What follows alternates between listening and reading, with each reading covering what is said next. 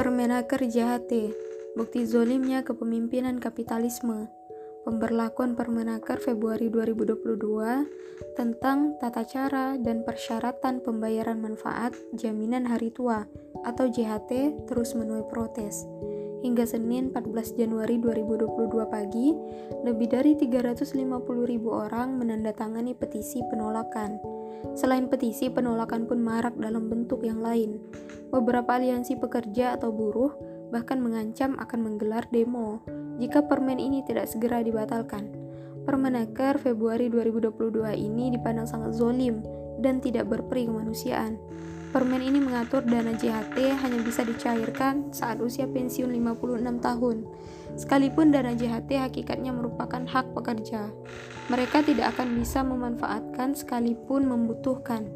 Mayoritas masyarakat termasuk kelompok pekerja sepertinya sudah terlalu sering menelan kekecewaan. Alih-alih mendapat perlindungan, mereka terus menjadi objek kebijakan zolim dan berbagai upaya pembodohan Ujian yang paling berat adalah terbitnya Undang-Undang Cipta Kerja yang syarat kepentingan kapitalis. Alih-alih memberi jaminan kesejahteraan, negara bahkan menjadikan rakyat sebagai objek pemerasan dengan berbagai macam nama pungutan. Faktanya, semua potensi bangsa ini, termasuk kekayaan alam yang melimpah ruah, habis diperebutkan para pengusaha. Mirisnya, semua perampokan ini delegitimasi berbagai aturan penguasa dengan akal pikir mereka.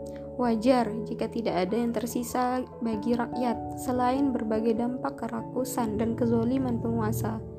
Fakta-fakta inilah yang semestinya mendorong kita untuk segera mencampakkan paradigma kepemimpinan kapitalisme yang bersumber dari akal dan nafsu manusia, lalu menggantinya dengan paradigma kepemimpinan yang datang dari Allah yang menjamin akan keadilan dan kesejahteraan bagi seluruh rakyat.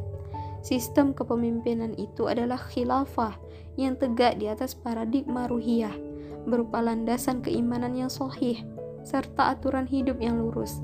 Sistem ini menetapkan tugas pemimpin negara adalah sebagai pengurus atau ra'in dan penjaga umat atau junnah, bukan penguasa yang bisa seenaknya menindas rakyat. Aturan-aturan Islam sangat berkeadilan dan bebas kepentingan. Selain itu, aturan pun sangat lengkap dan menjadi solusi bagi seluruh problem kehidupan manusia. Penerapannya secara kafah akan menjamin kesejahteraan di berbagai bidang, secara orang per orang. Pemimpin dalam khilafah benar-benar memahami bahwa amanah kepemimpinan yang dipikulnya akan ia pertanggungjawabkan, termasuk semua bekal berupa seluruh potensi sumber daya alam dan manusia. Dari Ibnu Umar radhiyallahu anha bahwa Rasulullah Shallallahu Alaihi Wasallam bersabda, "Setiap orang adalah pemimpin dan akan dimintai pertanggungjawaban atas kepemimpinannya. Seorang kepala negara akan dimintai pertanggungjawaban perihal rakyat yang dipimpinnya." Hadis riwayat Bukhari Muslim. Oleh karenanya, hanya kepemimpinan dalam Islam yang mengenal konsep amanah dengan benar dan terimplementasikan. Mereka melaksanakan seluruh aturan dengan dorongan iman dan yakin bahwa hukum-hukum Islamlah yang akan mewujudkan rahmat bagi seluruh alam. Wallahu a'lam bishawab.